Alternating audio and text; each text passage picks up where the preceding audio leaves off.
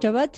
თქვენს მე სტუდია გეორგიკას პოდკასტი რესპუბლიკა. მე ანიკა ხიძე ვარ და ჩემთან ერთად არის ჩემი მეგობარი და კურსელი ქალბატონი ელენე ფიფა.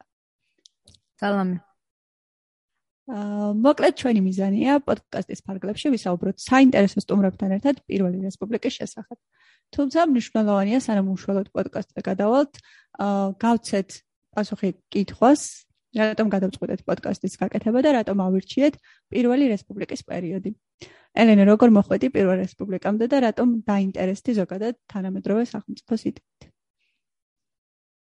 აა ეს ინტერესი ესე ცხადად ლექციაზე გამიჩნდა, როცა ამერიკის კონსტიტუციას ვსწავლობდით, მოკლედ ლექციაზე განვიხილავდით ფედერალისტების წერილებს და როცა რაღაცნაირად აა აა მე მგონი მედისონის მეათი წერილი იყო ზუსტად არ მახსოვს, მაგრამ ნუ როცა ამას განვიხილავდით, ესე უცებ ვიფიქრე, რომ რა უცნაურია, რომ რაღაცნაირად შენი ქვეყანა როგორი უნდა ყოფილიყო და როგორ უნდა მოწყობილიყო ინსტიტუციები და როგორ უნდა აა ჩამოყალიბებულიყო თანამედროვე სახელმწიფოდ, ეს ყველაფერი არის გაწერილი პუბლიკაციებში და შენ შეიძლება დაждდი, იკითხო და არჩიო. ანუ პირდაპირ ნახო, როგორ ფიქრობდა ხალხი, რატო ჯობდა ეს ამას და არა თქვა სხვა გადაწყვეტილება. და მე ნუ ჩვენ ქვეყანაზე დავფიქრდი რაღაცნაირად ის მომენტი იყო რომ რაღაცნაირად წარსულში რომ ვიხედები მე ნუ ახლა ამ წამსვლელება აღარ მაგრამ ნუ თელ ცხოვრება ეგრე ვიყავი ხედავდი ეგრევე შუა საუკუნეებს და დავითს და თამარს და ეს ამ პერიოდის შესახებ უფრო მეტი ცოდნა მქონდა ვიდრე ნებისმიერი შემდეგის რაც მე მოყვება ეხა თავისთავად დღეს აღარ ცხოვრობ შუა საუკუნეების საქართველოში და ძალიან დიდი განსხვავება იმ პოლიტიკურ წყობებს შორის, რაც მაშინ იყო, ანუ რაც კოლექტიური მეხსიერებით ასე მგონია რომ უმრავლესობას აქვს და რასაც სადაც ეხლა ვცხოვრობთ. ამიტომ დავინტერესდი ზუსტად მაგით, რომ აი როდის მოხდა ეს ცვლილება, რომ აი იმ პერიოდიდან სადაც ეხლა იმ პერიოდიდან რომელზეც ყველაზე მეტი ცოდნა გვაქვს, როგორ მოვედით ამ თანამედროვე ქართულ სახელმწიფომდე და მე რაღაცნაირად ვიფიქრე, რომ აი ეს პერიოდი ზუსტად პირველი რესპუბლიკის უნდა იყოს ის გარდამავალი ეტაპი, როცა ნუ რაღაცნაირ კოლონიური და პრობილი ქვეყნის სტატუსი მოვიშორეთ, ჩვენ თვითონ დავიწყეთ რაღაცნაირ თანამედროვე სამყაროში სახელმწიფო შენება და რაღაცა გადაწყვეტილებები მივიღეთ, როგორ უნდა ჩამოგვეყალიბებინა ქართული რესპუბლიკა. და ამიტომ დავინტერესდი, რომ რაღაცნაირ ეკვივალენტი მეპოვნა, ასე ვთქვათ, იმ ფედერალისტების წერილებით, რაც ვთქვათ, ამერიკას ქონდა ცხადე ახლა ეს ისეთი ნაივ ამბავია რომ ეხა ზუსტად ისეთ რაღაცას იპოვი აქაც მაგრამ ნუ ყოველ შემთხვევაში ჩემი იმპულსი ეგ იყო და მაგიტო ჩავთვალე რომ ძალიან საინტერესო იქნებოდა ამ პერიოდთან ამ პერიოდში ჩავძიებოდი თან ისიც იყო წამახასებელი ფაქტორი რომ სკოლის პერიოდიდან დიდად არაფერი არ მახსოვდა პერიოდზე და დიდად არ ვიცოდი. მე მგონი ბევრს არ აქვს სკოლის პერიოდიდან მაგ საკითხებს ვთქვა რაც შეეხება ჩემს ამბავს, ანუ როგორ დავინტერესდი პირველი რესპუბლიკით, ყოველთვის მაინტერესებდა როგორ იქნებოდა სახელმწიფო, თუ შეიძლება ასე ითქვას. ამ ფედერალისტების წერილებით მეც აღფრთოვანებული ვიყავი და ნუ მე შენთან ერთად უნივერსიტეტში სწავლისას კიდევ უფრო მეტი რამე გავიგე და კიდევ უფრო დავინტერესდი. მაგრამ მე ყოველთვის რაც მაინტერესებდა ინსტიტუტებთან მიმართებით, მემკვიდრეობითობის ნაწილი იყო, როგორ რას გვიტოვებენ, როგორ გავიაზრებთ ამ რაღაც მემკვიდრეობას, შემდეგ როგორ ვაცნობიერებთ, რომ ჩვენს შემდეგაც რაღაც ახალი თაობა მოდის და ამ თაობის გათვალისწინებაც როგორ ხდება გადაწყვეტილებების მიღების დროს. აი სწორედ ეს პროცესი მაინტერესებდა სამოქალაქო ნაციონალიზმის კონტექსტში, ანუ როგორ იკვეთება ერთმანეთთან აწმყო, წარსული და მომავალი. და ეს მაკლდა ქართულ სივრცეში, იმიტომ რომ როცა ჩვენ სწავლობდით ქართული აზრის ისტორიას, მაშინ პარალელურად პოლიტიკური პროცესები აქტიურ ფაზაში იყო საქართველოში, თუ შეიძლება ასე ითქვას, წინასაარჩევნო პერიოდი იყო და პროგრამების პრეზენტაციისას თუ ხდება ესეთი რამე, პრეზენტაციის დროს არავინ არ ციტირებდა სწორად და ლოგიკურად ჩვენს ბრჭყალში დამფუძნებელ მამებს ან სხვა ცნობილ ქართულ ისტორიულ ფიგურებს, ხო? ან არ ვიცი, მათ ვინც აქტიურად იყო ჩართული სახელმწიფოს სახელმწიფოს შექმნაში 1918-1921 წლებში. და მთავარი კითხვა ჩემთვის ეს იყო რომ რამდენად გააზრებული გვაქვს მემკვიდრეობითობის ნაწილი რა დაგვიტოვეს ეგ და რამდენად გააზრებული გვაქვს ამ მემკვიდრეობითობის ნაწილიდან გამომდინარე რა უნდა გავაკეთოთ ჩვენ ახლა სამომავლოდ იმისათვის რომ რაღაც გათვალისწინებული იყოს ეს სამივე დრო ერთ დროში თუ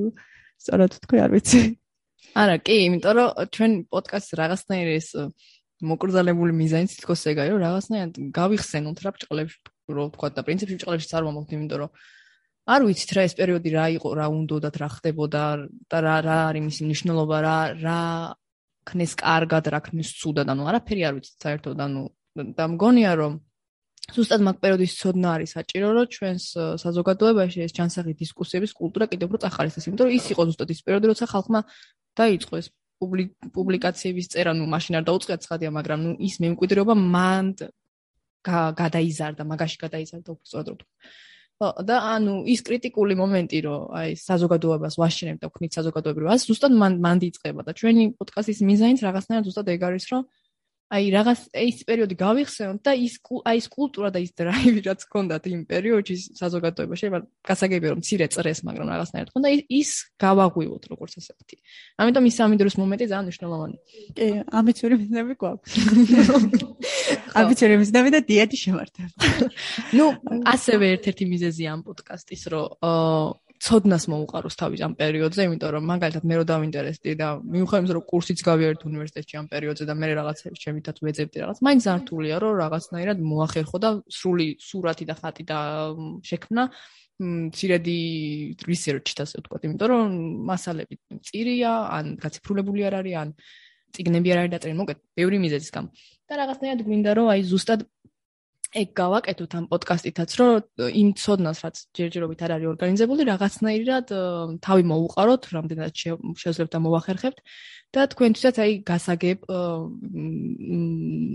ენაზე მოვიტაუნთ, ანუ არა პოლიტიკურ ტერმინებში და რაღაც, არამედ როგორც ჩვენ ჩვენ რო გავიგებთ და ჩვენ რო გავიაზრებთ რა ხდებოდა და არა თქვა ექსპერტების საკითხის. ამიტომაც გონია რომ ჩვენ როგორც ესე დაინტერესებული სტუდენტები, რომლებიცაც რაღაც კითხვები გვაქვს ამ ეპიზოდზე, როცა ჩვენ ამ კითხვებით მივალთ უკვე ძალიან მცოდნე ხალხთან და ამ საკითხის ექსპერტებთან, უკვე ჩვენ მოვახერხებთ, რომ ეს რაღაცნაირი დიალოგი შევქმნათ უბრალოდ დაინტერესებულ ხალხს შორის, რომელსაც ჩვენ წარმოვადგენთ და მართლა მცოდნე და სერიოზულ ხალხს შორის ჩვენ და ხალხს.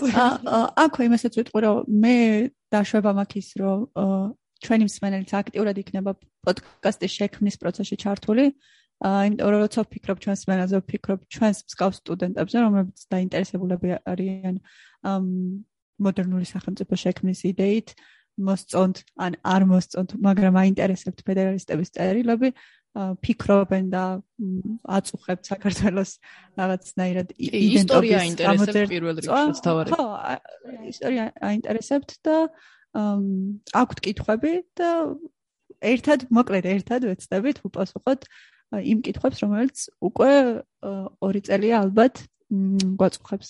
თუ მეტი არა. 2 წელზე მეტი ჩემთვის არ არის. ხო, და ასევე რაც ეტრასაც გვინდა რომ ეტაპობრივად თავი მოუყავოთ და მოახერხოთ. ცხადია პირველ ეპიზოდებში იმდენად სიღრმისეულად ვერ ვისაუბრებთ ყველა თემაზე, იმიტომ რომ საჭიროა ჯერ კონტექსტი შევქნათ ყველა სხვა.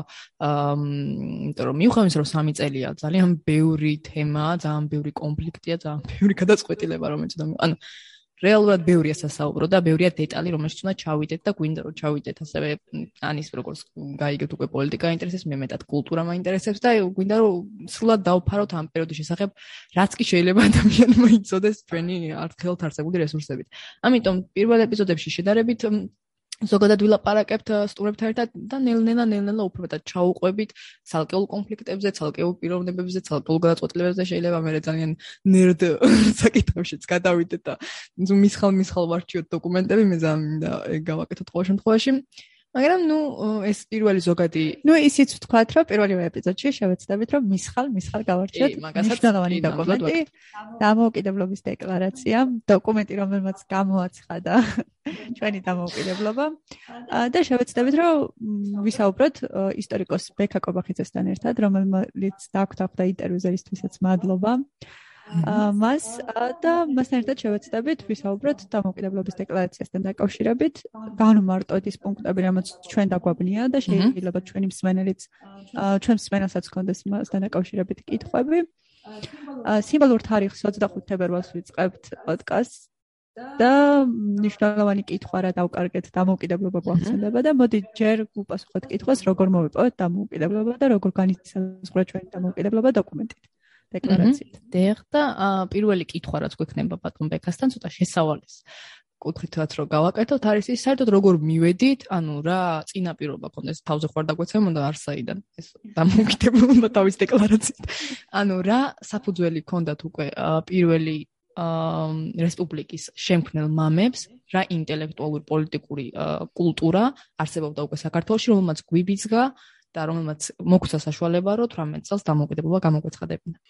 აა ეროვნული იდენტობის ფორმირება უკვე უფრო 1860-იანი წლებიდან იწყება, ანუ მოდერნული მოდერნული ერის ფორმირება 1860-იანი წლებიდან იწყება და რამდენიმე ფაქტორი არის ამის კონტრიბუტორი. ორი ყველაზე ძირითადი კონტრიბუტორი არის, რა თქმა უნდა, პატონყობის გაუქმება, როდესაც გლეხი აღარ არის ვალდებული რომ მიწაზე იყოს, ანუ მიწას წდება და იწყება урბანიზაცია და ამას ეხმარება ძალიან რკინიგზის გაყვანა. ანუ ესენი ერთად ხდება, პატონყობა უხდება და რკინიგზა გადის და ადამიანებს შეუძლიათ ქალაქში ჩამოსვლა. მესამე ფაქტორი ეს არის სკოლები, განათლება და კრიტიკული მნიშვნელობა აქვს აქვს 1879 წელს დაარსებულ წერაკითხვის გამორჩეულებელ საზოგადოებას.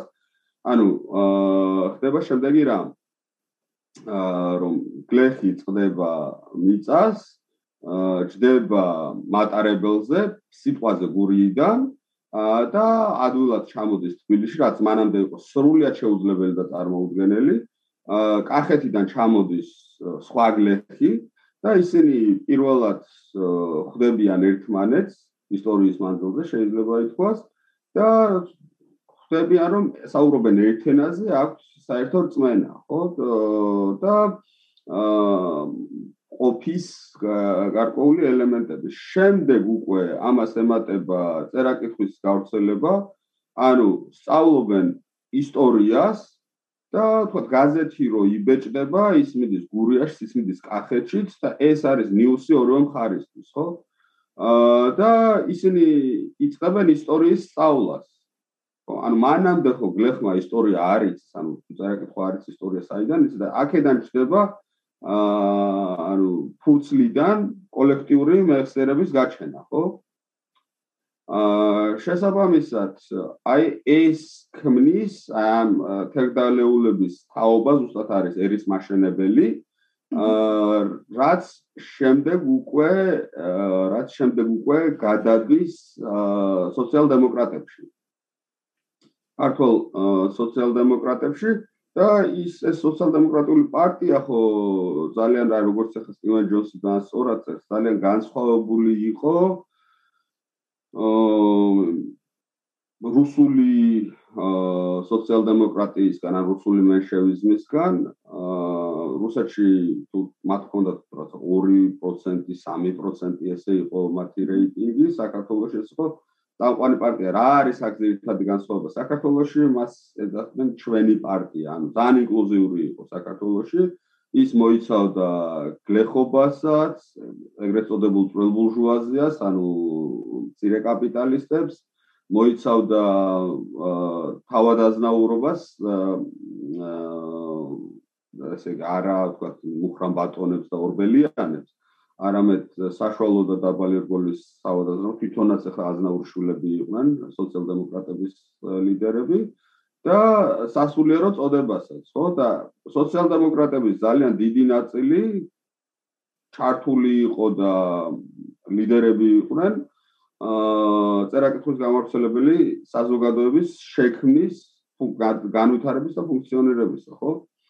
ანუ ამ თვალსაზრისით ეს სოციალ-დემოკრატები არიან გამგზელებლები იმ ნაშენისა, იმ შენობისა, რასაც თერგდალეულები თავის დროზე აკეთებდნენ.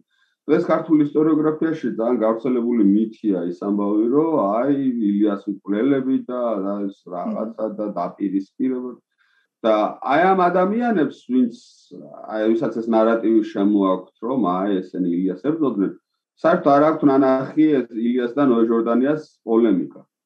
აა არ თუ მათ არ აქვს ისტორიკოსების აბსოლუტურ უმრავლესობას არ აქვს ნანახი, იმიტომ რომ ვერცად ვერ ნახავდნენ, გამოცემული არ არის და იმიტომ. აა თუ გინდა რომ ეს პოლემიკა ნახო, უნდა ეს კვალისა და ივერიის გაზეთები უნდა ფურცლო და უნდა ეძებო, ხო? ეხა აპირებს სეგურატიანი აპირებს ვარცხები გამოცემას. მაგრამ აი ზედაპირულობის დონე წარმოიდგინეთ რა, რომ ანუ ეროვნული მეხსიერება დგას რაღაცა საკითხზე და ის გამოცემულიც არ არის. და ფაქტობრივად თითზე ჩამოსათვლილ ადამიანებს აქვს ის ნანახი, ხო? სინამდვილეში ეს პოლემიკა არის ორი ძალიან სხვილკალიბრიანი მოაზროვნის აა სერიოზული საქმიანი დებატი აა რომელიც ეხება საზოგადოებრივი ცხოვრების და განვითარების ძალიან ბევრ საკითხს. ო ანუ არ შეიძლება ილიას დაეთანხმო, შეიძლება ნოეს დაეთანხმო, ამაზე პრობლემა არ არის. ამ შიგნით იკამათე, მაგრამ ჯერ ხოლმე წაიკითხო რაზე უნდა იკამათო და არ დაყო იუდებად და ქრისტეებად, ხო? მხარე. აი აი აქ ახლა უკვე ხალხ ნაციონალიზმის, ანუ ჩვენ ხო ერის ფორმირებაზე ვისაუბრეთ და ახლა ნაციონალიზმის ისტორიაზე რომ ვილაპარაკოთ, აქ ამით გაეცემა პასუხი აა თქვენს კითხვას. გარდა სოციალ-დემოკრატებისა, ილია ჭავჭავაძეს და თერგდალეულების ძველთაობას ავდა სხვა, ანუ ქართულ ახალგაზრდა ქართულ ნაციონალისტთა შორის მეტოქეები, ეს იყო არჩილ ჯორჯაძე, გიორგი ლასეშვილი და ახალი თაობის ქართულ ნაციონალისტები. ჯორჯაძე ამბობდა ეს რაღაცას, რომ ანუ კი ჯორჯაძეს აქვს საერთაშორისო არაჩვეულებრივი წერილები ქართულ სამოციანელებზე გაანალიზებული აა მათი ინტელექტუალური მემკვიდრეობა და მაგრამ ამბობს რომ აი ეს ამ სამოციანელთა პუბლიცისტური გოდებაო აა ესე კი აღუძრავდაო იმას ემოციას ქართულ გლეხს დამუშავო მაგრამ კურს ვერ უძღობდაო და ეს ინტელექტუალურ გოდებას უნდა მოვეშვათ და პრაქტიკულ საქმიანობაზე უნდა გადავიდეთო და ამ ხრივ ილია ჭავჭავაძე არანაკლებ დატაკებული იყო ასე რომ ვთქვათ ამ ქართულ ახალი თაობის ნაციონალისტებთან. მაგრამ ამ ქართული ახალი თაობის ნაციონალისტებს აა კონდათ ერთი საერთო ილია ჭავჭავაძესთან რაც იყო საერთო მოქმედების ნიადაგი აა ნიადაგის თეორია რაც არჩილ ჯორჯაძემ შეიმუშავა და მაგრამ მოდიფიცირებული სახით. ილია ამბობდა რომ პარტიები არის ნეგატიური მოვლენა, რომ ეს ჩვენ დაყობს, ეს პოლიტიკური პარტიები როგორ შეიძლება, ეს არის თქვათ ძველმოდური ხედვა შეიძლება ითქვას, ხო? მაგრამ ჯორჯაძემ დაინახა რომ საზოგადოების ტრანსფორმაცია და ახალი სოციალური ფენების წარმოშობა თავისთავად წარმოშობდა პოლიტიკურ პარტიებს. ეს იყო ამას ვერ გაექცეოდა საქართველოს და ჯორჯაძეს თავაზობდა საზოგადოებას შემდეგ რამეს რომ კი ბატონო თქვა ამ მიმართულებებით დაყოფილები ვართ მაგრამ შევიმუშავოთ ეროვნული ინტერესების რაღაც პუნქტები და ხუთ პუნქტს თავაზობდა საზოგადოებას. აი ამის გარშემო გავერთიანდეთ ყველა მათ შორის სოციალ-დემოკრატები. და მაშინ სოციალ-დემოკრატების მხრიდან ეს უარყოფილი იყო, მაგრამ 1918 წელს აი დამოუკიდებლობის დეკლარაციაზე რომ გადავიდეთ და მოვიხმოთ იგივე ნოე ჟორდანიას მემუარები, ჟორდანი მემუარებში წერს ასრამეს რომ დრაფტის დაწერაო დამოუკიდებლობის დეკლარაციის დრაფტის დაწერაო თხოვეთო გიორგი გვაზავას რომელიც იყო ეროვნულ დემოკრატი ანუ ილია ჭავჭავაძის მიმდევარი მემარჯვენე ნაციონალისტი და გვაზავამ რო ჩაწერა იქ პუნქტები მათ შორის ერთ-ერთი პუნქტი მიაწერა 8 საათიანი სამუშაო დღე. აა და ჟორდანიამ რომ ის რომ ნახო გავგიჟდიო ეს მუშების დამოუკიდებლობის დეკლარაცია კი არ არის ესო ეროვნული დამოუკიდებლობის დეკლარაცია არისო და ეს არის როგორც მუშისთვისო ისე თავადისთვისო ისე ყველასთვისო. ანუ ეს არის საერთო ეროვნული საქმე ხო? აა და მე ზუსტად აი ამას ვამბობ რომ 1918 წელს ზუსტად აი ის იდეები აა რაც იყო ილია ჭავჭავაძე და შემდეგ ტრანსფორმირებული აა არჩილ ჯორჯაძის ინტელექტუალურ მემკვიდრეობაში უკვე აა დამოუკიდებლობის აქტით ამას ხორცი შეესაბამება. ახლა უშუალოდ საქართველოს დამოუკიდებლობის აქტზე რომ გადავიდეთ, აქტი ვკითხულობთ, რომ საქართველოს თვისის ნებით შეუერთა რუსეთს იმ პირობით, რომ რუსეთი ვალდებული იყო საქართველოს გარეშე მტრისგან დაიცვა. აქ სიტყვას თვისით საგულისხმოა. ანუ რატომ არის აქცენტი ხაზგასმა გაკეთებული იმაზე, რომ საქართველოს თავად გადაწყვეტა რუსეთში შეერთება. და აქვე ვიკითხავ იმასაც, რომ დამოუკიდებლობის მიზეზად გამოცხადებულია ის, რომ რუსეთი დაიშალა. და აქცენტი თითქოს არ კეთდება იმაზე, რომ ჩვენ თავად გადავწყვეტეთ დამოუკიდებლობა.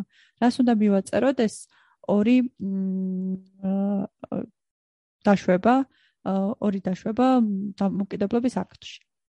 თვითონ აი ეს პუნქტობრივად რო გაუყვეთ დამოუკიდებლობის დეკლარაციის თეზებს და თუნდაც იმ პრეამბულას, რასაც ახლა ბევრი საუბარი არის იმაზე, რომ აი რატომ არის ასეთი და რატომ თქვა არ არის ბუკიდან აღარა და ზარზე იმი რომ შიგნით რატომ ბოდიშის გამოხდით ბოდიშის მოხდით გამოდიან რუსეთიდან. ესეც ძალიან ზედაპირული მსჯელობა არის თუ საზოგადოებას რა მოთხოვო როცა ისტორიკოსებიც ასე მსჯელობენ ხშირად? დამოკიდებლობის აქტის ტექსტი ასახავს იმ ძალიან კონკრეტულ და ძალიან მწვავე გეოპოლიტიკურ ვითარებას რომელიც საქართველოს გარშემო არის მასში შექმნილი და საერთაშორისო სამართლის კონკრეტულ ნორმებს. აა რომლებიც მაშინ მოქმედებდა. აი დღეს რომ თქვა გვაქვს ერთად გამოკოვის უფლება, რომ ტერიტორიული მთლიანობის პრინციპი გარანტირებულია საერთაშორისო სამართლით. აა რომ თეორიაში და თქვა სამართლის დონეზე მაინც არ შეიძლება ეს სახელმწიფო შევარდეს მეორე ტერიტორიაზე და წარფოს მიწები და დაიკანონოს, ხო? ანუ აკეთებენ ზოგიერთები ამას, მაგრამ ეს ხო სამართლებრივად არ არის დაშვებული. აა ასე შემდეგ და ასე შემდეგ. ანუ არსებობენ დღეს საერთაშორისო ორგანიზაციები, რომლებიც შეიკრიბებიან, დაგმობენ, რაღაცა სანქციებს შეიმუშავებენ, ხო? 1918 წლის მდგომარეობით ჩვენ გვაქვს საერთაშორისო სამართალი, სადაც ერთ სახელმწიფოს მხრიდან მეორეს დაპყრობა არის სულად ლეგიტიმური მოვლენა. ანუ თუ ჩვენ დღეს ვამბობთ რომ 1918 ეს 1918 და 1801 წელს რუსეთმა კავკახეთის ანექსია განახორციელა მაშინ ამას არ ამბობდნენ იმიტომ რომ ეს არ იყო მონგებიანი ანუ თუ ანექსია განახორციელა ეს მაშინ ნიშნავს რომ ლეგიტიმური აქტი ჩაიდინა. ანუ რაც დაპროტესტებ მოგერიათ დაგჩაგრათ და ესე იგი მას სამართლებრივად ეკუთვნოდა ეს ხო ქართული პოლიტიკური ელიტა 1918 წელს და 19 წლის პირველ ნახევარში იდგა სამართლებრივ საფუძველზე, ეს ხო გიორგიევსკის ტრაქტატის აა საფუძველი, აა რომლის მიხედვითაც ამბობდა და ეს არის დამოუკიდებლობის დეკლარაციის პრეამბულაში ზუსტად ნათქვამი, აა რომ საქართველოს დაპყრობილი კი არ იყო რუსეთის მიერ. არამედ საქართველოს რუსეთს დაუკავშირდა ხელშეკრულებით რუსეთმა ივალდებულა მისი დაცვა აა გარეშე მტრებისგან, ამისგან, ამისგან და ამისგან. აა ეხლა რუსეთი გაქრა. რუსეთი აღარ არის. ამიტომ აა ხელშეკრულების ხელმომწერმა ერთ-ერთმა მხარემ არათუ დაარღვია ეს ხელშეკრულება და ვერ გვიცავს ოსმალეთისგან, არამედ ის აღარ არსებობს. შესაბამისად ამან წარმოშვა ჩვენი ლეგიტიმური უფლება და ვალდებულება რომ დამოუკიდებლობა გამოვაცხადოთ. გამიგეთ, ანუ ეს დამოუკიდებლობის აქტი მარტო საქართველოსთვის არ იყო, რა, ან დამოუკიდებლობის აქტი თუნდაც წარსდგე დანარჩენი სოფლიოს წინაშე და რა რას ეუბნები, რატო გამოვაცხადეთ დამოუკიდებლობა, ხო? როცა ის, თქვათ, აღდგენილი რუსეთი თუ და წითელი რუსეთი, თეთრი რუსეთი იტყვის, რომ ე ძმაო, სად სად მიდიხარ შენ? ხო რა უფლებით მიდიხარ აქეთან. ამ შენ რითი წარსდგები დანარჩენი მსოფლიოს წინაშე რა სამართლებრივი უფლებით. არსებობს ამისი და შემდეგ პირველი რესპუბლიკის ხელისუფლების თხოვნითა და დაფინანსებითაც საერთაშორისო სამართლის ძალიან მაღალი კალიბრის სპეციალისტებმა დაწერეს აა საქართველოს დამოუკიდებლობის საერთაშორისო უფლებაზე სამართლებრივი დასკვნები ეს სიგნალი საქართველოს საერთოდ უცნობი არის. მაგალითად პროფესორი ნიპოლდი საქართველოს დამოუკიდებლობა საერთაშორისო სამართლის ეს პროფესორი ნიპოლდი იყო ბერნის უნივერსიტეტის საერთაშორისო სამართლის პროფესორი და ნუ მაშინდელ სოფლიოში ძალიან აღიარებული სპეციალისტი და ამ წიგნით დადიოდნენ ხო? ეს არ არის ესე ზედაპირულად რომ ვაიმე და ოკუპაცია რატო არ ახსენეს და მაშინ ოკუპაციის ხსენება იქნებოდა რუსული საქმის კეთება რეალურად რა იმ იმ პროინდელი საერთაშორისო სამართლის პრინციპები. შემდეგ უკვე 1919 წლიდან საერთაშორისო სამართლის პრინციპები იცვლება. ან შემოდის უილსონის ერთად თვითგამორკვევის უფლება, liberal internationalism, ლიბერალური ინტერნაციონალიზმი 1919 წლის 24 იანვარს ანტანტის ან მოკავშირეთა უმაღლესი საბჭო ისტორიაში პირველად იღებს დადგენილებას. ეს წარმოვიდგინოთ რომ ანტანტის უმაღლესი საბჭო არის დაახლოებით დღევანდელი გაეროს შრობის საბჭოს ეკვივალენტი more or less.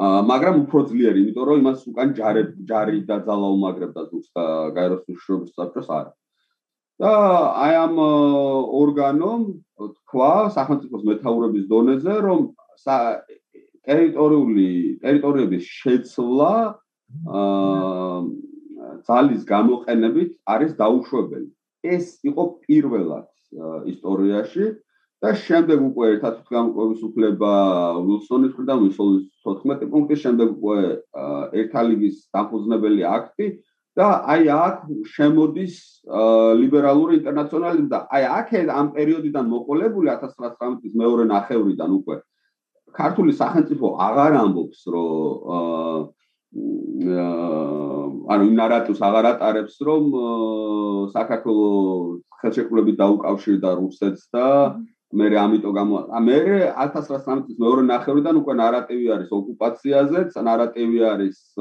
ერთად თვითგამორკვევის უფლებაზეც ანუ მაშინდელი პოლიტიკური ელიტა იმ საერთაშორისო კონტექსტზე ერგებოდა რა თქმა უნდა ხო და ანუ ამის დანახვას ცოტაოდენი საქმეში ჩახედვა სჭირდება ანუ მე ახლა როგორ შთაბეჭდილებაც დამრჩა საქართველოს არგუმენტი ასე თქვა საერთაშორისო სივრცის წინაშე იყო ის რომ მე ხელშეკრულება დავდე რუსეთთან ახლა რუსეთი აღარ არის და ამიტომაც ეს ხელშეკრულება გავუკვდა. ნუ რახან ერთი აქტორი ფიზიკურად გაქრა. მაგრამ ასევე ნუ მე რაც მაინტერესებს არის ის რომ რუსეთის გაქრობა როგორც ასეთი ცხადია არისო რაღაცა სამუდამო ფენომენი, ხო? ყველა მიცოდა რომ რაღაცა ტიპით ეს სახელმწიფო დაბრუნდებოდა წითელი, თეთრი, რავი.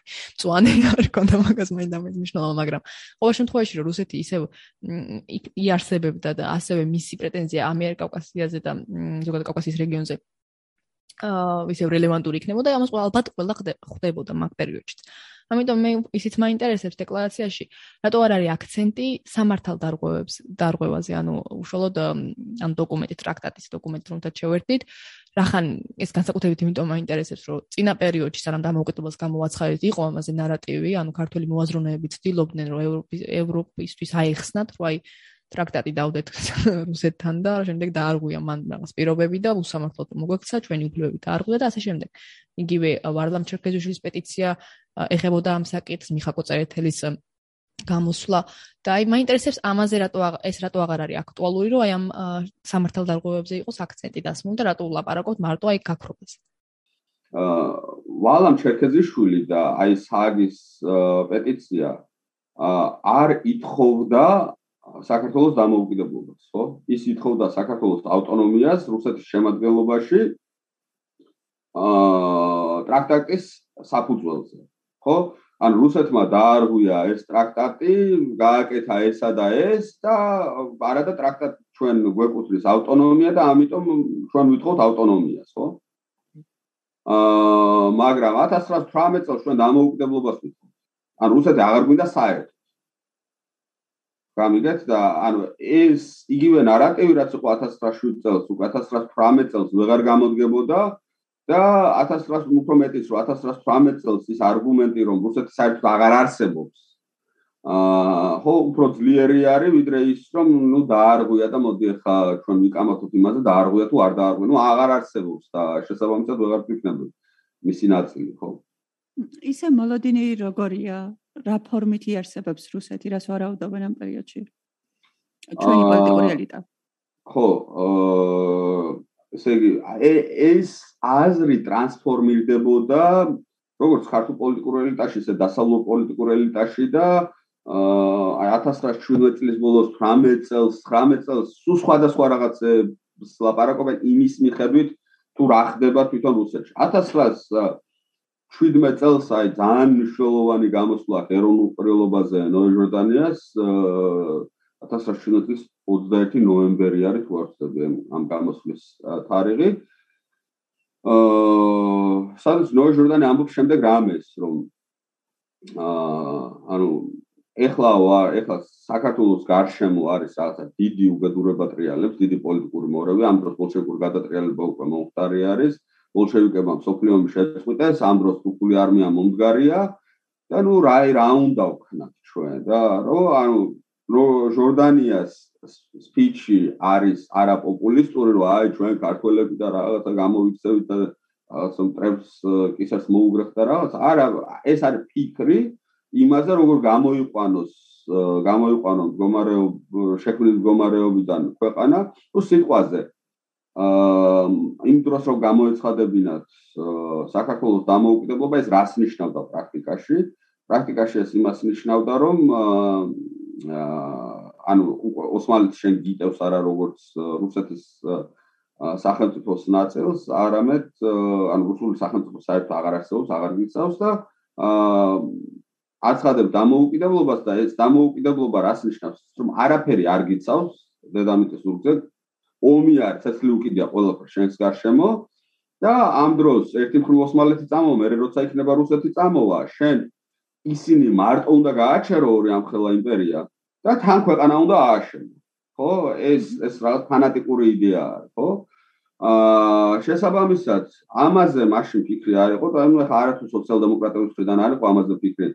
აა საქართველოს ეროვნულ საბჭოში ეროვნულ დემოკრატებს, რომლებიც ყველაზე მემარჯვენე და ყველაზე ნაციონალისტები იყვნენ, 1918 წლის 15 აპრილამდე დამოუკიდებლობის იდეა არ უხსენებიათ საერთოდ. იმიტომ რომ ეს მაშინ იყო რა ფანატიზმი იქნებოდა 1917 წლის დასასრულის მდგომარეობა. შექმნა რა საერთაშორისო კონტექსტმა ისეთი გარემოება რომ ნუ იძულებული ხარ ეს დამოუკიდებლობა გამოაცხადო და ახვიდე რისკზე. ამიტომ არის რომ 26 მაისი არ ყოფილა რაღაცა ვაიმე ფეირვერკები გაუშვით და აა გამოვედით და ვიცეკვეთ და ვიმდარეთ. ეგეთი არ ყოფილა 26 მაისი. 26 მაისი იყო კომენტი შიშის და გამოვაცხადეთ და აი რა ხდება ახლა? ანუ რა გველოდება? ხო არა რა გვიცავს? აა მაშინდელი საერთაშორისო სამართლით პატარა სახელმწიფოს შეძლო ეარსება მხოლოდ ორ ვითარებაში. როცა დიდი სახელმწიფოები თანხმდებიან რომ ეს გვჭირდება რაღაცა ბუფერული დატვირთვა აქ ამ სახელმწიფოს ან რაღაცა ასეთი და ამაზე ოსმალეთი და რუსეთი ვერ თანხმდებოდნენ კავკასიის შემთხვევაში, მაგრამ ნუ ასეთ სახელმწიფო იყო ბელგია, რომელიც შექმნეს, ხო, ხელოვნურად ბრიტანეთმა და საფრანგეთმა, რადგანაც ჭირდებოდა. აა საქართველოს ესეთ კონსენსუსი არ იყო, მაგრამ აქ გათამაშდა მეორე ვარიანტი, თუ დიდი სახელმწიფო კი სრულობს ამ პატარას პატარის პროტექტორატს, ხო? და ესეთი გამოშდა გერმანია და როგორც კი გამოშტა ქართული პოლიტიკური ელიტა ჩაებღაუჭა ამ იდეას და გერმანიის პროტექტორატის ქვეშ გამოცხადდა ეს დამოუკიდებლობა და აი როცა იშლებოდა ამიერკავკასიის ფედერაცია ხო საქართველოს სოხეთის აზერბაიჯანის შემადგენლობით იქ კარი ბოლომდე არ დახურეს იქ ეგეთ ამოკლებლობის აქტის პრეამბულაში არის ჟორდანიას სიტყვაში იყო რომ აი სამომავლოდ შეიძლება ცხოვრება მოიტანოს და ისე რაც კონფედერაცია გავაკეთოთ ვიყოთ ერთად. აა გამიგეთ იმიტომ რომ არ არიან დარწმუნებულები რომ იქნება ეს viable სიცოცხლის უნარიანი იქნება ეს დამოუკიდებლობა მაშინდელ სოფლის პოლიტიკურ რუკაზე საქართველოს ყველა სახელმწიფოები არ არიან რომ დავხედოთ მაშინდელ რუკას ეს მაგას გამორიცხავდა მაშინდელი საერთაშორისო სამართალი. მაგრამ შემდეგ იცვლება რა ეს საერთაშორისო სამართლის პრინციპები შემოდის ეს ლიბერალური ინტერნაციონალიზმი ჩდება კავკასიაში თქვა სხვა დიდ სახელმწიფოთა გარკვეული ინტერესები და ესენიც ანუ ქართული პოლიტიკური ელიტაც და საზოგადოებრივი ელიტაც რაც გემოსუგებს ამ დამოუკიდებლობას და აა უკვე 1919 წლიდან აქ ორაზროვანი დამოუკიდებულება დამოუკიდებლობასთან დაკავშირებით არის შეუძლებელი. ანუ ისინი ვინც ყველაზე უფრო ასე ვთქვათ ინტერნაციონალისტები ან კოსმოპოლიტები იყვნენ, ისინიც კი მაგალითს მოვიყვან ირაკლი წერეთელი, აა რომელიც ასე რომ ვთქვათ, ყველაზე მეტი რუსოფილი იყო ქართულ პოლიტიკურ ელიტაში, შეხვდა კერენსკის, ანუ რუსეთის არკერენსკის გიორგი ლვოვს, რუსეთის აა დროებითი მთავრობის თავმჯდომარეს, ანუ მეფე რო დაემხო, დროებითი მთავრობა ხო შეიქმნა და იმ დროებითი მთავრობის პირველი თავმჯდომარე იყო გიორგი ლვოვი და იმ მთავრობაში მინისტრი იყო, პოსტატელეგრაფის მინისტრი იყო ირაკლი წერეთელი. ხო და ეს ლვოვი ხდება იმას, ლვოვი იყო თუ კერენს. ნუ ერთ-ერთ საკუთარ პრემიერ-მინისტრს, ანუ ერთი ორი წლის წინ პრემიერ-მინისტრი იყო წერეთლის. ამას შეხვდა და ესენი ეუბნებიან, რომ ეს რუსები ეუბნებიან, რომ აი რაცა ვერბალურად მაინც გამოაცხადეთ რომ აი თუ ბოლშევიკები დამარცხდნენ და რუსეთში დემოკრატიულმა წყობილებამ გამოიმარჯვა და აი ისეთი იდეალური რუსეთი იყო რომ იქნა რომელზედაც ჩვენ დიდი ხანი ერთად ვოცნებობდით აი ესეთ რუსეთთან რომ ავტონომიური უფლებით შეხვალთ შემადგენლობაში ეს თუ შეგიძლიათ ეს ვერბალურად სტეიტმენტ განსხვავება გააკეთეთ და წერეთელი ეუბნება ლოს რა რასისულელი არის ჩვენ ქართულმა ხალხმა დამოუკიდებლობის მანდატით გამოგვიშვა და ამაზე არანაირი გადახედვა არ იქნება გამორიცხულია შეუძლებელი არის ხო ანუ 1919 წლისთვის ეს უკვე იმდენად გამყარებული არის ეს იდეა რომ თუ ვინმე რამეს ხვას იტყოდა ქართულ პოლიტიკურ ელიტაში ანათემაზე გადაეცემოდა შეიძლება ითქვას მაგრამ ნუ მანამდე გარკვეული ის იყო რომ ანუ აი დარწმუნებული ვარ ახარო და შევძლებ თუ არა ფეცზე დადგომას. აა ეს შიშები 1918 წელს იყო და გარკვეული უკან დასახევი გზის ძებნაც აა მორი შემთხვევებში შეინიშნებოდა მაგალითად რომ ვთქვა ქართულმა სოციალ-დემოკრატ ანუ საქართველოს სოციალ-დემოკრატები ცალკე ჯგუფი იყო ისედაც ხო ნუ ისტორია როგორც მესამე დასაწყო ჩამოყალიბდა მე ორგანიზაციულად დაუკავშირდა რუსულ სოციალ-დემოკრატიულ პარტიას, თორემ ფაქტსა და რეალობაში ქართულ სოციალ-დემოკრატებს არაფერი ინსტრუქცია არასდროს არ მიუღიათ ცენტრიდან პირიქით აკედან იქით ახდენდნენ გავლენას. მაგრამ ორგანიზაციულად საქართველოს სოციალ-დემოკრატიული პარტია ცალკე რუსეთისგან გამოყოფილი შეიქმნა 1918 წლის ოქტომბერში. ანუ დამოუკიდებლობის გამოცხადებიდან 5 თვის შემდეგ. საქართველოს დამოუკიდებლობის აქტის პირველივე პუნქტში ვკითხულობთ, რომ ამიერიდან საქართველოს ხალხი სუვერენულ უფლებათა მატარებელია. სიტყვა ამიერიდან ცოტა უხეშად ხვდება თანამედროვე ადამიანის თვალს, სულ მცირემე, რადგან თითქოს იგულისხმება, რომ დაბადებით ადამიანის სუვერენული უფლების მატარებელი არ არის. რამე ფართო ისტორიული კონტექსტი ხომ არ არის, რაც თვალსაჭერიდან გვჩება და სწორედ ამიტომ იწევს დიდ უხერხულობას სიტყვა ამიერიდან.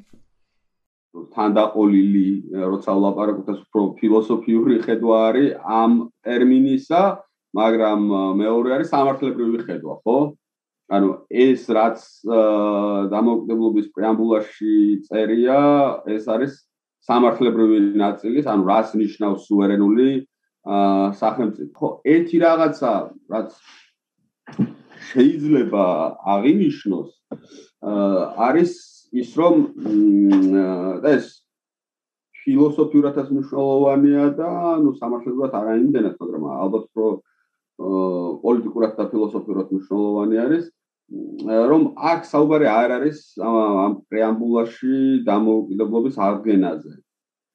ხო თუ თქვა 91 წელს დამოუკიდებლობის აღდგენაზე არის საუბარი, 1918 წელს დამოუკიდებლობის გამოცხადებაზე არის საუბარი. და არ სვამს აი ეს დამოუკიდებლობის აქტი პირდაპირ ლინკს ფეოდალურ შუა საუკუნეების ერეკლე საქართველოსთან ან დავით აღმაშენებლის აა საქართველოსთან არეძებს ამ კავშირებს. აა და ეს არის და კიდევ ეს შეიძლება აი ბევრ სხვა რამეშიც ჩანდეს ხო? აა სიტყვაზე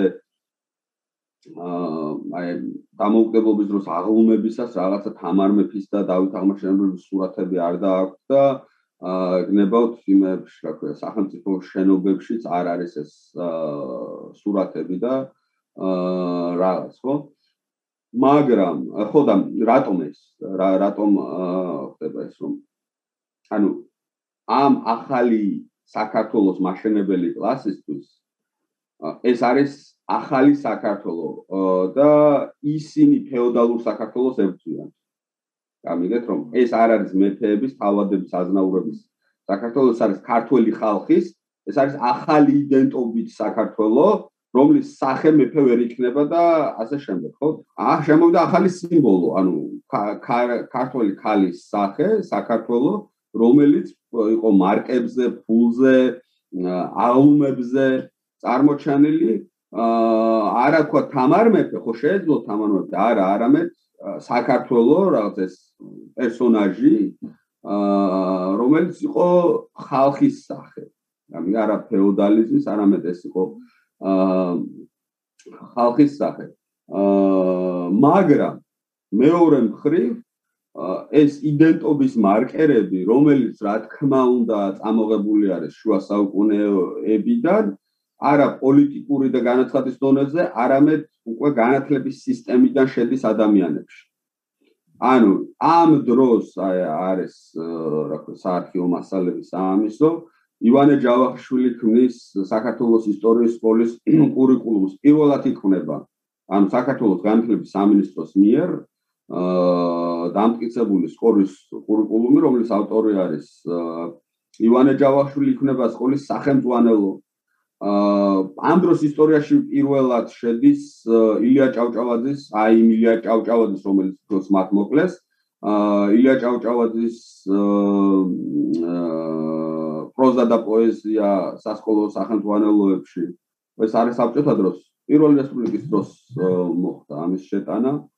შემდეგ საქართველოს ისტორიულ ტერიტორიების მოხაზვა, ანუ იდენტობაში ამ აა ასე რომ ვთქვათ, GPS კოორდინატების დატანა ასე რომ თქვა ხო ჩვენესერებაში. აა ეს ყველაფერი ამ დროს ხდება, ანუ ეს არის პარალელურად. ნუ კიდე გარდა ამისა მასობრივად რუსული აბრების ჩამოხსნა აა ქალაქიდან და ქართული აბრების დაკიდება. აა ხო სახელმწიფო დაწესებულებებში რუსული ენის აკრძალვა და მხოლოდ ქართული სტატობა, ну, რამაც დიდი პრობლემები გამოიწვია, იმიტომ რომ საჯარო მოხელების დეფიციტი იყო ძალიან და ანუ ამ რუსულენოვნებს, ხა ეს რუსი იქნებოდა თუ სომეხ თუ აზერბაიჯანელი, როგორც მოუწია სამსახურიდან წასვლა, ამას შემდეგ დასავლური ლიტერატურაში, მაშინ და საარქივო წყაროებში ჩანს ახლა ბევრი დასავლეთელი წერს წერს ამას და თანამედროვე დასავლური ლიტერატურაში ხშირად ქართულ იმპერიალიზმსაც უწოდებენ მაშინ მაშინ ჯერ კიდევ ან ქართულ შოვინიზმსაც უწოდებენ. მოკლედ ეს პირველი რესპუბლიკა ცოტა პარადოქსულ გარემოში არის, რომ ქართული ისტორიოგრაფია ებრძვის ნაციონალური ნიჰილიზმისთვის და არაეროვნულობისთვის და დასავლურ ისტორიოგრაფიაში შეიძლება შევხვდებით იმპერიალიზმზე და შოვინიზმზე მიმართებას. და იმ დროინდელი პოლიტიკური საერთაშორისო სივრცის გათვალისწინებით, რამდენად სარფიანი იყო, როცა ჩვენ ვითხოვთ ამ უკიდებლობას, სუვერენულ ლეგიტიმაციას ვასაბუთებთ, მაგრამ ეს ისტორიულ განგრძობიტობას არ ვაჩვენებთ. ხო, რამდენად მოგვიდანი იყო, რომ მას არ აკეთებდნენ შუა საუკუნეებთან. ხო აა ანუ ამის განსაზღვრად ალბათ იმ პერიოდში უნდა დაუბრუნდეთ ხო და საერთოდ უნდა გავიხსენოთ როდის მოხდა ეს ბმა აა ვით აი მაგალითად რომ გითხრათ აი დღეს ხო საქართველოს ისტორია იწება კოლხადან და დიალოხიდან აა და არგონავტები ასე შემდეგ და ასე შემდეგ. ეს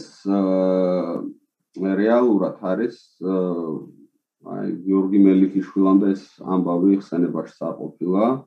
1940-იან 50-იან წლებამდე საერთოდ არავინ არ საუბრობდა კოლხაზზე აუხსდა რაც არის რაც იყო ფეოდალური საქართველოს ისტორია ქართლის ცხოვრების სახით ან მოქცევა იქ ქართლის ან ქართლის ცხოვრება. კოლხაზა დიაოხს საერთოდ არავინ არ ახსენებს არც მაშინ კოლხაზა დიაოხები შემდეგ ხდება აი ეს რომ 3000 სლოვანები რო ვართ ამ 50-იანი წლებიდან დავადგინეთ, რომ 3000 სლოვანები ვართ, ანუ მანამდე 2000 სლოვანები ვიყავით. აი მაგ ხო მაგალითად ახლა ჟორდანია თავის გამოსვლებში 2000 სლოვანს ამბობს. ეს ციტატა მინდა რომ წავიკითხო. ეს არის აი იდენტობის თემას ეხება ჟორდანია 1920 წლის 10 იანვარს საქართველოს დამოუკიდებლობა აღიარეს de facto დასავლურმა სახელმწიფოებმა თბილისში გაიგეს ეს 12 იანვარს და 14 იანვარს გამართა დამფუძნებელი კრების ანუ პარლამენტის საზეიმო სხდომა აა სადაც სადაც მოწვეული იყვნენ დასავლეთელი დიპლომატები და მათ მიმართავს ჟორდანია და მათ გასაგონად ამბობს რომ ეს რაღაცას.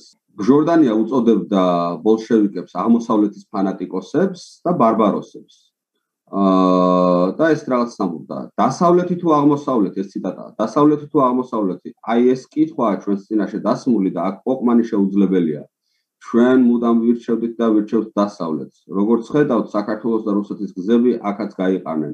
ჩვენი გზა მიდის ევროპისკენ, ხოლო რუსეთის კი აზიისკენ. და შემდეგ განაგზობდა. ასეთია ბატონებო, ახალი საქართველო და ის არც გა ევროპის წინაშე მსჯავრის მისაღებად. წარსულით არა მოწყალებისთვის, არამედ უფლებისათვის და ამ უფლებაზე ხანგრძლივი ტაში და მათ კითხეს რა მოგაქვთ? ჩვენ უპასუხეთ, მოგვაქვს 2000 წლის კულტურა, ბუნებით დიდარი და მშვენიერი ქვეყანა. აა მოგვაქვს უაღრესი დემოკრატიული წყობილება, დემოკრატიული შემოქმედება და მოვითხოვთ შესაბამის ადგილს აზიის გზის ყურეში. აი აი ამ სტეიტმენტში, ამ განცხადებაში, ხო, არის ბევრი რამე ნათქვამი. ანუ აა მიმართება 2000 წლოვან კულტურაზე, არა ვთქვათ აა საქართველოს დიდებაზე, თამარის დროის და დავითის დროის დიდებაზე, არამედ საქართველოს 2000 წლის კულტურაზე, 2000 და არის არა 3000 წლის და ახალი პოლიტიკური წყობა, უაღრესი დემოკრატიული წყობილება და საქართველოს როგორც დასავლური სახელმწიფო, ხო? ანუ ეს არის აა ჟორდანიას თავარი მასები ეს იყო რესპუბლიკის თავარი მასიჯები მთლიანად ანუ აი ამ იდეების გარშემო აა იყო გაერთიანებული ის პოლიტიკური ელიტა აა და რა თქმა უნდა იდეოლოგიური ამბავი იყო რომ აი მაგალითად ჟორდანიას კაბინეტში უკიდია მარქსი, ენგელსი და ჟან ჟორესი იმის თქვა მინდა ამითი რომ идеოლოგიურად საქართველო იყო ხალხის სახელმწიფო და მათ მოჭრეს феодализმის ხე, ანუ феодализმთან идеოლოგიური კავშირები საქართველოს აღარ აქვს. ეს იყო ერთი идеოლოგიური, ასე რომ ვთქვათ, ამოსავალი წერტილი და მეორე იყო ის, რომ მაშინდელ ქართულ კოლექტიურ მეხსიერებაში ეს შუა საუკუნეებთან კავშირი არც იყო. ისე ისეთი ძლიერი, როგორც დღეს არის, ну, როგორც ხა ანტიკურ ხანასთან საერთოდ არ ყოფილა, ეს ყოლა დიაოხი მე მოგვიანებით ჩამოდის. აა და მაშინ საქართველოს ისტორიის სწავლებას იწყებდნენ აა სკოლებში, ხო? და ეს არ ყოფილა, ანუ ამას არ გამოუწვევია არანაირი საზოგადოებრივი პროტესტი ან გამოხმაურება, იმიტომ რომ აი რაღაცა კოლექტიურ მეხსიერებაში ჩამჯდარი ამბავი არ ყოფილა. აა ბატონო ბექანი ტრაქტატთან დაკავშირებითაც ვიკითხავთ ცნობილი გავრცელებული ბრალდება პირველი რესპუბლიკის მიმართ ის არის რომ დამოუკიდებლობის აქტში თითქოს ჩვენ პოლიტიკურ ნეიტრალიტეტს ვცდილობთ დავამტკიცოთ აა მესამე პუნქტი უკაცრავად მითითება მითითებულია რომ საერთაშორისო ომიანობაში საქართველოს მუდმივი ნეიტრალური სახელმწიფოა რას გულისხმობდა ეს და შეიძლება თუ არა მართლაც გაგებული იქნას როგორც პოლიტიკური ნეიტრალიტეტი რას ნიშნავს საერთაშორისო ომიანობა? საქართველოს დამოუკიდებლობა გამოცხადდა სოფლიო ომის დროს. 1918 წლის 26 მაისს მიმდინარეობს სოფლიო ომი. საქართველოს სურს რომ აღიარება მოიპოვოს როგორც ერთი ბანაკისგან, ასევე მეორე ბანაკისგან. ანუ საქართველო აცხადებს, რომ ის არ არის აა ანუ მხარე სოფლიო ომში. შემდეგ 1921 წელს 1921 წელს მიიღო საქართველოს კონსტიტუცია, სადაც არც ერთი სიტყვა ნეიტრალიტეტზე არ არის. უფრო მეცაც გეტყვით, შუალეჭ ან ნეიტრალურ სახელმწიფოს ხوار შეუძლია სამხედრო კავშირებში შესვლა, არა, ნუ ნეიტრალურ სახელმწიფოს თავისთავად არ უნდა იყოს სამხედრო კავშირი. მაგრამ საქართველოს ცდილობდა ერთა ლიგაში შესვლას, რომელიც რეალურად, ანუ რაც დღეს ვთქვათ, ნატოს მეხუთე მუხლი არის კოლექტიური თავდაცვა, ეს იყო ერთა ლიგის დამფუძნებელი აქტის მეათე მუხლი, ასევე კოლექტიური თავდაცვა. ამიზნის ცდილობდა შესვლას და საქართველოს სამხედრო ალიანსი ჰქონდა პირდაპირ საერთაშორისო სამართლებრივ სამხედრო ალიანსი ჰქონდა აზერბაიჯანთან. აა რომ ეს ამ მხარე და შეტევის შემთხვევაში ერთმანეთი უნდა დაეცო. აა და უფრო მეტიც საქართველოს ითხოვდა რომ ბრიტანელებს ჯარები დაეტოვებინათ საქართველოს ტერიტორიაზე, რომ შეიძლება ნეიტრალურმა სახელმწიფომ, უცხო სახელმწიფოს მოსთხოვოს ჯარების დატოვება საკუთარ ტერიტორიაზე. ხო, ანუ ესეც სრულად არასწორად არის და ზედაპირულად არის ინტერპრეტირებული და აი დანარჩენი პუნქტები უკვე აი ეს ლიბერალ-დემოკრატიული პუნქტები რაც არის რომ განვითარების თავისუფალ გზას უხსნის ყველა ეროვნებას და ყველა თანასწორია და ასე შემდეგ და ასე შემდეგ. ეს უკვე არის ის идеოლოგია ამ დამოუკიდებლობის აქტში. რაც რაც რაც მოხონდათ სოციალ-დემოკრატებსა და ზოგადად ქართულ პოლიტიკურ ელიტას აი ამ თავიანთი 30-წლიანი მუშაობის განმავლობაში დაწყებული 1890-იანი წლებიდან. დავსვა ბოლო კითხვა? დასვა. ეპიზოდი 25 თებერვალს გადის და ეს თარიღი ბუნებრივია შემთხვევით არ აგვირჩევია. ჩვენ დასაწყისში დავიწყეთ ერის ფორმირებიდან საუბარი და თქვენს სტატიაში ვკითხულობთ რომ ქართულმა ერმა საკუთარი იდენტობის ფორმირება 1930-იან წლებში შეძლო. ანუ საბჭოთა კავშირის სივრცეში მოახერხა საბოლოო იდენტობის ფორმირება. ჩემი კითხვა ასეთი იქნებოდა, რა დავკარგეთ 25 თებერვალს, ანუ რო დავცლოდა საბჭოთა კავშირის მიღმა იდენტობის ფორმირება, რა შეცვლიდა ეს თანამედროვე საქართველოსთვის. ხა რა იქნებოდა მე ამას ვთქვათ ისტორიის წიგნში, ვთქვათ მონოგრაფიაში არასდროს არ დავწერ, იმიტომ რომ რა იქნებოდაზე პასუხი არ არის ისტორიკოსის აა სამეცნიერო სამტკიცებელი თემა, მაგრამ პოდკასტის ფარგლებში თავისუფლად შეიძლება ამაზე საუბარი. აა თან როცა საკმაოდ მათხარ დარწმუნებული აა და არგუმენტები გაქვს, რაც იქნებოდა 21 წლის ოკუპაციის აა თავარი უბედურება ის კი არ არის, რომ დროშა და გერბი გაგვიუქმეს და აა რაღაც თუნდაც გარეჯი ჩამოართვეს საქართველოს და აა თუნდაც რაღაც სხვა ტერიტორია და თუნდაც ეს ადამიანური ცხოვრება ან ეს ყველაფერი ყველაფერი ცალკე აღებული ტრაგედია არის რა თქმა უნდა. მაგრამ თავარი არის ის თავარი უბედურება არის ის რომ ის პოლიტიკური და კულტურული და სამხედრო და რა ვიცი სამეცნიერო და ყველანაირი ელიტა ან ფიზიკურად გაანადგურეს რეპრესიებისას 20-30-იან წლებში ან გააძევეს ქვეყნიდან ან კასტრირება გაუკეთეს რომ ანუ საკუთარ იდეოლოგიურ სამსახურში ჩაიყენეს ვინც ამას ხელი მოაწერა ასე რომ ვთქვა ხო? და დაიწყო სოციალური ინჟინერია აა და ამ საბჭოთა ადამიანის შექმნა, ეროვნული იდენტობის ისე შექმნა, როგორც შექმნეს. აა და ამან რა შედეგები მოგვცა? აა და აი ვინც 20-30-იან წლებში დამოუკიდებელი იყო, შევადაროთ იმას რა. აა ბალტიის რესპუბლიკა მე როგორც პირველი რესპუბლიკის კვლევარი დარწმუნებით გეტყვით, რომ არაფრით ბალტიის რესპუბლიკები პირველ საქართველოს პირველ რესპუბლიკაზე უკეთეს ქვეყნები არ ყოფილა. არაფრით. მეცაც გეტყვით ან კონკრეტული ფლადი ინდიკატორები გეტყვით რომ პირველი რესპუბლიკა ხშირ შემთხვევაში წინიდან მოგეტყვით რომ საპარლამენტო არჩევნები უფრო ადრე ჩატარდა ჩვენთან უფრო ადრე მიიღეს ჩვენთან კონსტიტუცია რომ რა ქვია მაგალითად ლიტვაზე ადრე მიიღო საერთაშორისო აღიარება საქართველოს რომ მაგალითად საქართველოს ომით დაკარგა დამოუკიდებლობა ბოლოს და ბოლოს და ბალტიის ქვეყნებმა უომრად ხო ასე შემდეგ და ასე შემდეგ ანუ ბევრი თვალი ინდიკატორი არის ამ მიმართულებით ხო ერთა ლიგაზე მაგალითად ერთა ლიგაში რომ გაწევრიანებას ვცდილობდით, ეს საოცრება 20 წლის დეკემბერში მოხდა კენჭისრა 16 დეკემბერს 20 წლის და ბალტიის რესპუბლიკებმა მიიღეს 5-5 ხმა გაწევრიანებაზე, საქართველოს 10 ხმა, ანუ არც ერთ არ მოყვართ მეორეთ, მაგრამ საქართველოს ბალტიის რესპუბლიკებზე ორჯერ მეტი ხმა მიიღო. აა გაწევრიანებაზე, ხო? აა მაგრამ საქართველოს დამოუკიდებლობა შეწყდა 21 წელს, ხოლო აი ამ ბალტიის რესპუბლიკებში თაობები გაიზარდა 1940 წლამდე, პრობლემაც ამ დამოუკიდებელ სახელმწიფოში იწოს ხოვრეს და აი მოდერნული ერების ფორმირება მოხდა იქ.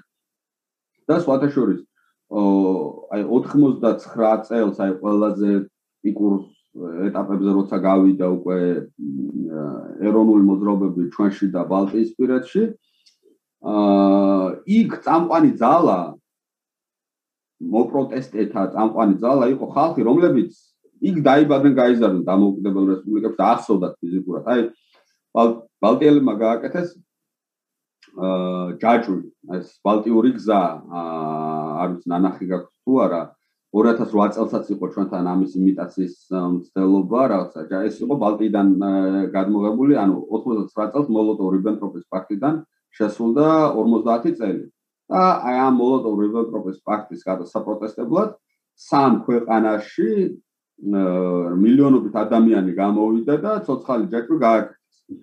ეს იყო ბალტიის და აი ამ კადრები არსებობს, შეგიძლიათ თქვა დაგუგლოთ ამ YouTube-შიც ნახოთ.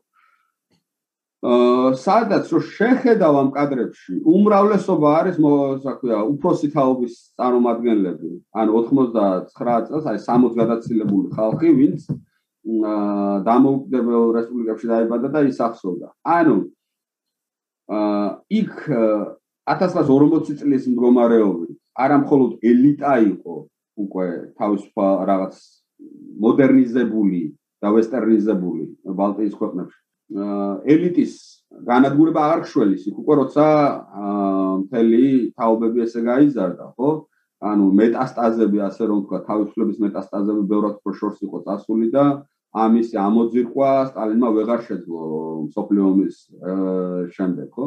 ჩვენთან რა მოხდა ჩვენთან ჩანასახოვან მდგომარეობაში იყო ეს ყველაფერი ელიტის განადგურება ამ ამას უშველა და სოც შემდეგ ამას სოციალური ინჟინერია დაემატა და აა ეს ქართული ნაციონალიზმი ინტეგრირებითაც შეიქმნა აა არაინკლუზიური და სამოქალაქო ნაციონალიზმისგან დაცლილი და ეთნი ეთნონაციონალისტური და ასე შემდეგ და ასე შემდეგ. ანუ ამ სახით როგორც ფორმირდა და ის ჩვენი ეროვნული მოძრაობა რაც იყო 80-იან წლებში ისინი იყვნენ ანტიკომუნისტები, ანტისაბჭოთები ისინი არ ყოფილან. ისინი საბჭოთა ადამიანები იყვნენ, დიდი პატივი მათ უმრავლესობა მათგანმა თავიდადო სიცოცხლე დამთავრდა ბევრი კი ბატონო ყველაფერს ვაღიარებ მაგრამ აი საბჭოთა კატეგორიული აზროვნება ეს სუკის აგენტების სახილი და მტრები და იუდები და უნდა დაიმარხოს და ამ რაღაცა აი საოცარი ტერმინები ხო რაღაცა ისეთ ტერმინებს ხანდახან თქვენ ყალზე გიდგება ის ლაპარაკობენ რა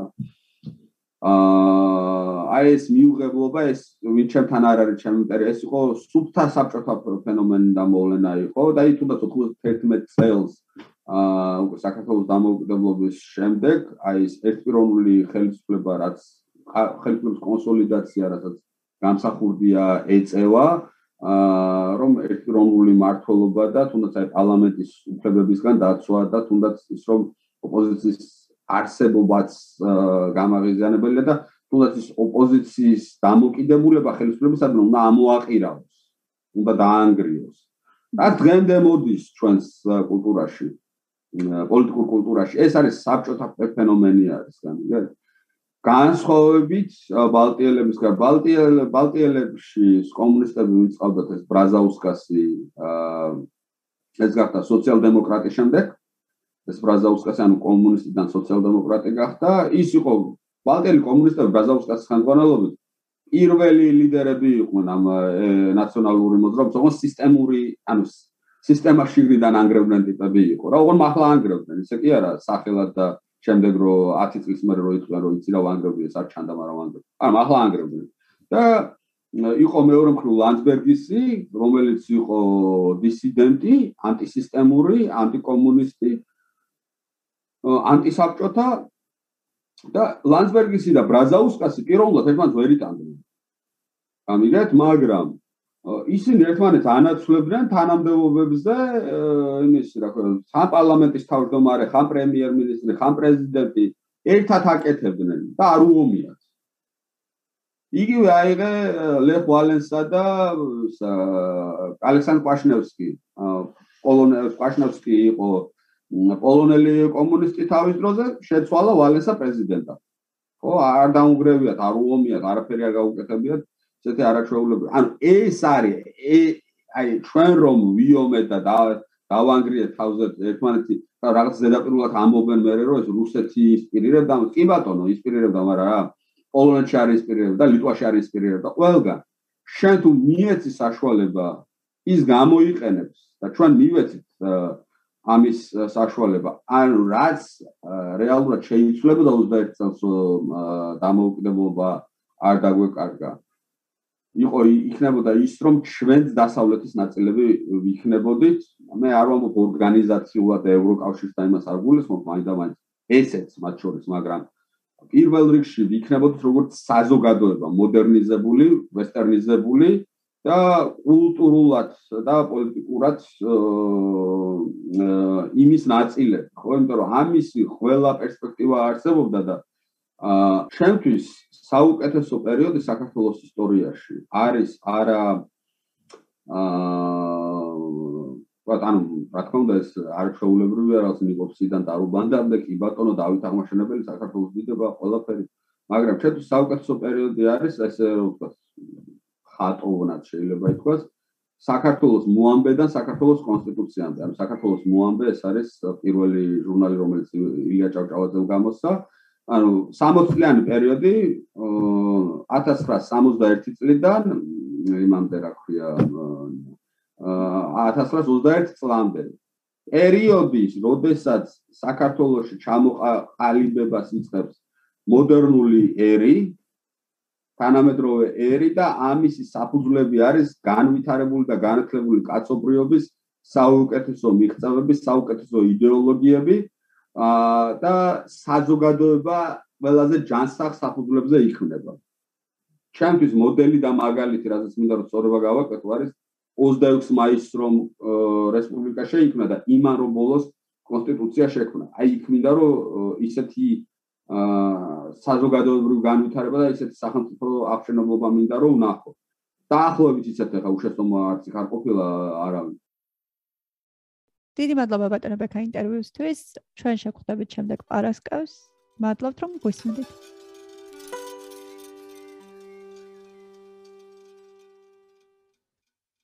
მე ვიქნებოდი პირველ ეპიზოდზე ჩვენთან ერთად მუშაობდნენ ჩვენი მოხალისეთა ჯგუფის აქტიური წევრები ელენე შაფათავა და ნიკა ლაბრამია. დიდი მადლობა გვინდა გადაუხადოთ ჩვენ სოციალურ მედიის ჯგუფს, ასევე ბიბლიოთეკას საქართველოსზე, რომლის სივრცეში ჩაწერილია პოდკასტი და რომლის შესახებაც უფრო მეტი შეგიძლიათ გაიგოთ ჩვენ სოციალურ გვერდებზე. ახლა თქვენ უსმენთ ჯგუფი კოლექტივის სიმღერა 1921 წლის 25 თებერვალს ჩვენ წავედით კოჯოში და უკან აღარ დაუბრუნებულვართ, რომელიც ხატრული ინტერპრეტაციით მოგვითხრობს დამოუკიდებლობის დაკარგვის ტრაგედიას. და 25-ში ზიან თებერვალს ორმა უმბარა ჩვენს წინ იფეთქა წითელმა დროშამ ჩვენ გადაგვფარა შენმა